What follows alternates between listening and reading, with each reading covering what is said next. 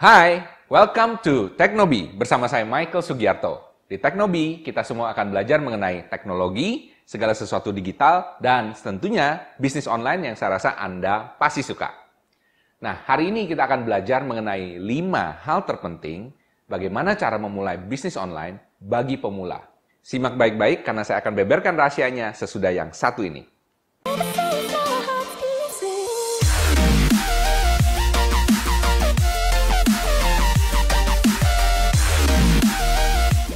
Oke, selamat bertemu kembali bersama saya Michael Sugiarto. Sebelum kita mulai, jangan lupa untuk subscribe ya dan like videonya. Oke?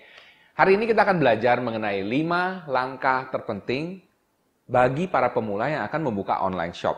Nah, kenapa saya memulai topik ini? Karena pada saat di komen, ah, ternyata ada yang bertanya, ya kan, bagaimana caranya memulai bisnis online. Oke, saya akan beberkan sedikit rahasia, ya. Ada lima rahasia terpenting sebenarnya yang Anda perlu tahu sebelum mulai bisnis online.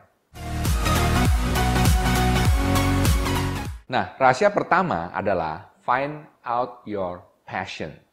Yes, saya ulang lagi ya. Rahasia pertama adalah find out your passion. Nah, dalam bahasa Indonesianya artinya cari dahulu apa yang membuat Anda bergairah. Tapi anyway, itu bahasa terjemahan bahasa Indonesianya. Passionate itu bergairah. Intinya begini, kalau kita tidak bergairah, kita tidak senang dengan apa yang akan kita kerjakan nanti, ya. Jadi ujung-ujungnya itu Anda akan merasa ini sebagai beban, oke? Okay? Mungkin Anda pernah mendengar satu peribahasa yang berkata bahwa kalau kita mengerjakan sesuatu yang kita suka, maka kita tidak akan merasa itu sebagai beban. Tapi kita merasakan itu mengerjakan suatu hobi, Oke, jadi nggak pernah merasa kerja, benar? Nah, seperti contohnya, misalnya Anda hobinya memasak, oke?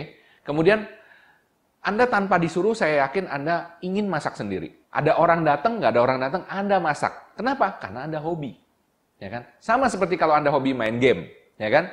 Anda nggak perlu dibayar untuk main game. Anda bahkan bayar untuk main game. Betul? Nah, sayangnya mungkin hal-hal tersebut kurang begitu produktif. Nah, kalau di dalam bisnis online, yang pertama Anda harus cari adalah barang apa, produk apa, atau mungkin hal apa yang membuat Anda tertarik, membuat Anda senang. Misalnya, contoh, fashion.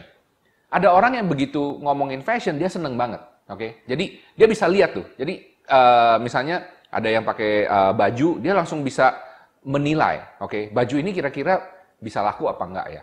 Karena kenapa? Dia sudah punya cita rasa. Oke, okay? dan juga pemilihan warnanya ini penting sekali, karena pada saat Anda memulai bisnis online nanti, Anda yang harus pilih barangnya. Betul? Seperti yang lain misalnya, Anda punya passion mengenai kuliner. Nah, mungkin Anda cocok. Kuliner ada banyak macamnya loh. Misalnya, Anda punya passion mengenai snack. Oke, okay? mengenai snack, macam-macam snack. Oke, okay? bisa aja mengenai pisang sale, bisa aja mengenai singkong chips, dan lain sebagainya. Oke, okay? tapi kalau Anda tidak punya passion mengenai kuliner, Anda akan susah untuk menjual ini. Oke, okay? bisa paham ya? Jadi nomor satu, Anda harus punya passion dulu. Kalau Anda punya passion, Anda akan dapat terus bekerja tanpa merasa bekerja. Sehingga pekerjaan Anda akan terasa sangat ringan dan Anda bisa maju jauh lebih cepat. Langkah kedua, ketika Anda memulai bisnis online, dan saya rasa ini yang paling penting. Kenapa? Anda harus cari role model yang sukses terlebih dahulu. Maksudnya apa? Anda harus cari uh, contohnya. Siapa yang dulu udah jualan fashion, laku berat, dan Anda mengidolakan dia? Siapa dahulu yang sudah pernah jual chips pisang yang laku berat dan Anda bisa mengidolakan dia? Oke. Okay? Siapa yang dahulu pernah jual bulu mata palsu? Oke, okay? yang laku berat dan Anda bisa mengidolakan dia. Oke. Okay? Ini penting sekali. Kenapa? Kalau Anda tidak punya role model, Anda bayangkan ya, sekarang Anda diberi sebuah kertas putih kosong melompong plong. Kemudian Anda yang tidak punya pengalaman sama sekali, tidak mengerti sama sekali, dan tidak tahu prospeknya seperti apa, bisa besarnya seperti apa, Anda sekarang harus mulai bisnis itu dan Anda harus mulai menggambar kertas putih itu sendiri. Jadi seperti anda disuruh menggambar di dalam kertas putih, suruh gambar gajah, tapi Anda nggak tahu gajah ini bentuknya seperti apa. Susah nggak? Pasti susah. Oke? Okay? Tapi kalau Anda sudah tahu, oh ternyata ada orang yang sudah pernah menggambar gajah sebelumnya. Anda lihat gambarnya dan Anda tiru. Ya, ini adalah teknik ATM, amati, tiru, modifikasi. Ya, kalau misalnya Anda mengidolakan seseorang yang misalnya dia jago jualan gadget, kalau dia jago jualan gadget, tapi Anda senangnya kuliner, ya nggak kenapa, itu masih bisa. Yang penting ada jualan barang. Anda lihat bagaimana cara dia jualan, ya kan? Bagaimana cara dia promosi, cara dia foto, bikin konten dan lain sebagainya. Itu bisa jadi inspirasi Anda. Kalau misalnya bisnis atau orang yang Anda idolakan itu sama niche-nya atau kategorinya dengan Anda. Oke, okay? sebagai contoh misalnya Anda berjualan uh, baju, oke, okay?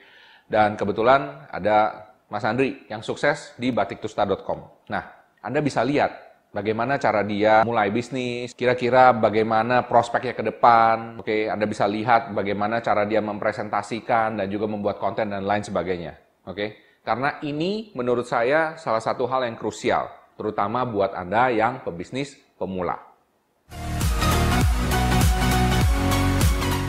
Oke, langkah ketiga adalah pilih customer Anda. Loh, kok pilih customer?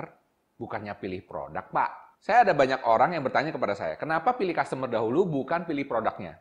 Kebanyakan dari kita dalam bisnis tradisional, kita pasti pilih produk dahulu. Benar apa benar? Oke, okay? itu yang terjadi sama saya. Ketika saya buka toko dulu, saya pilih produk dahulu. Dan saya pilih produk yang saya pikir orang bisa suka. Benar? Tapi sebenarnya produk itu yang suka siapa? Ya saya sendiri. Bisa paham ya?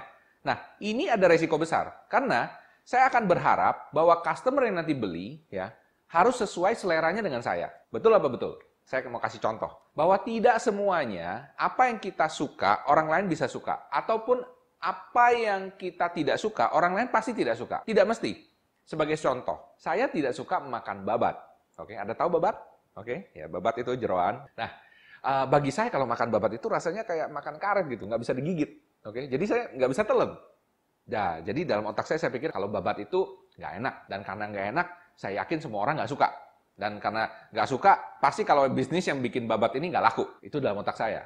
Tapi saya kaget sekali. Karena beberapa waktu lalu ada teman saya yang mengajak saya ke suatu restoran, dan ternyata restoran ini terkenal dengan babat goreng pedas. Oke, saya nggak bisa makan, tapi ternyata semua orang di restoran itu pesennya babat goreng pedas. Nah, itu adalah bukti bahwa apa yang saya tidak suka, belum tentu orang lain tidak suka. Begitu pula apa yang saya suka belum tentu semua orang suka ya. Jadi kita harus camkan itu. Kenapa kita mulai dari customer dahulu? Pertama nomor satu begini. Kita perlu tahu ya customer mana yang kita paling comfortable. Kalau Anda misalnya disuruh jual mebel, Anda nggak pernah jual mebel sebelumnya. Cuma Anda pernah dengar kalau di online itu jual mebel laku banget. Oke? Pertanyaannya, apakah Anda comfortable dengan jual mebel ini? Dan kemudian customernya siapa? Repot bukan? Misalnya Anda sekolah, dan kemudian Anda tahu, teman-teman sekeliling Anda semua demen makan snack. Bisa paham? Ya. Semua beli snack tertentu, misalnya snack pisang sale jenis tertentu. Anda tahu dan semua teman Anda suka. Anda mulai dari situ. Jadi jangan pilih yang jauh-jauh dulu, oke? Okay? Meskipun orang jual kayu jati miliaran, tapi Anda harus mulai dengan sesuatu yang dekat dengan Anda. Karena kenapa? Lebih gampang research-nya, ya. Jadi kalau ada apa, Anda bisa test market dengan cepat. Itu intinya. Sesudah Anda mulai dari customer ini, Anda harus create yang namanya customer persona ideal Anda. ya. Jadi customer ideal ini personanya apa? Maksudnya gini, misalnya Anda tahu teman-teman sekitar Anda yang seumuran dengan Anda, dia senangnya makan pisang sale misalnya. Nah, Anda research dulu. Orang yang suka beli pisang sale ini, pertama satu, dia kondisi keuangannya gimana? ya kan? Dia bisa spend berapa duit dalam satu minggu dia beli berapa kali? Oke? Dan kemudian dia tinggalnya di mana, sekolahnya di mana, temenannya sama siapa, ikut organisasi apa, dan lain sebagainya. Oke, ini kalian akan susun semua menjadi suatu customer persona, ya. Karena ini nanti akan penting ketika Anda memulai iklan. Pada saat Anda beriklan di digital ini keren ya, Anda bisa masukkan persona-persona ini semua. Sehingga kita biarkan nanti mesin iklan itu baik pun Facebook, ataupun Google, ataupun Instagram yang mencari customer untuk Anda. Keren kan? Ini bedanya antara bisnis online dengan bisnis offline. So, make sure pertama Anda pilih customer dulu. Oke, sekarang langkah keempat adalah pilih kategori Anda. Yes, kategori. Saya nggak ngomong produk, tapi kategori. Ya, pilih kategori. Kenapa kategori penting? Karena misalnya gini, Anda pada akhirnya memilih jualan pisang sale. Oke, tapi kan Anda nggak mau dong, ya, hanya terbatas di pisang sale doang. Betul? Ya, pilih kategori yaitu snack, makanan ringan. Kenapa? Misalnya nanti ya, pada saat pisang sale Anda berkembang, Anda bisa expand ke kategori barang serupa, yaitu snack juga. Oke? Dengan misalnya tadi pisang sale yang dikeringin sekarang sele pisang sale, misalnya kayak gitu. Oke? Macam-macam ya. Jadi intinya Anda bisa berkembang dari satu kategori tersebut. Jadi sebelum pilih produk, yang penting adalah pilih kategorinya. Oke, ini adalah langkah terakhir atau langkah kelima yang menurut saya sangat krusial jika Anda mulai berjualan bisnis online.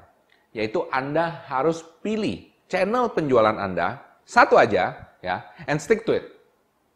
Maksudnya apa? Maksudnya begini. Sama seperti ketika Anda membuka toko offline, ya. Jika Anda mulai buka toko di Mangga 2 pertama kali, jangan langsung buka toko di Tanah Abang. Jangan langsung buka toko di PGS, ya. Jangan buka toko terlalu banyak dahulu. Kenapa? Anda harus konsentrasi di satu tempat terlebih dahulu. Nah, kalau di digital ya atau online, bisnis online, Anda harus pilih dulu.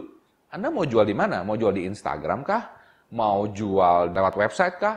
Mau jual di marketplace kah? Oke, Anda harus pilih. Kenapa? Karena setiap market ini beda-beda. Beda apa maksudnya? Beda karakter dari para user atau penggunanya. Jadi Anda harus pilih satu dan konsentrasi di situ. Contoh misalnya Anda memilih Instagram. Nah, Anda tahu pengguna Instagram itu rata-rata berumur 35 tahun ke bawah.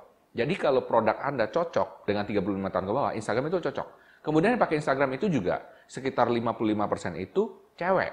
Oke, jadi Anda tahu bahwa barang-barang yang disukai oleh wanita itu cocok untuk jualan di Instagram, terutama wanita muda. Bisa paham ya? Mungkin snack juga cocok, karena wanita kebanyakan suka ngemil. Meskipun saya juga suka ngemil, tapi saya bukan wanita. Dan masih ada satu rahasia terpenting yang terakhir ternyata saya lupa, yaitu lima langkah terpenting ini tidak akan menjadi penting dan berguna apabila Anda tidak melakukan action. Itu adalah yang nomor satu. Ya, Oke, jadi promise me that you're gonna go through this and then you do some action. Oke? Okay? Alright. Jangan lupa untuk like dan subscribe video ini dan juga komen apabila Anda punya ide atau hal-hal yang ingin Anda tanyakan kepada saya, saya akan coba buat videonya. Dan jangan lupa juga lihat dua video di sebelah sini yang saya yakin Anda pasti rasakan manfaatnya. Oke, sampai jumpa. Salam hebat luar biasa.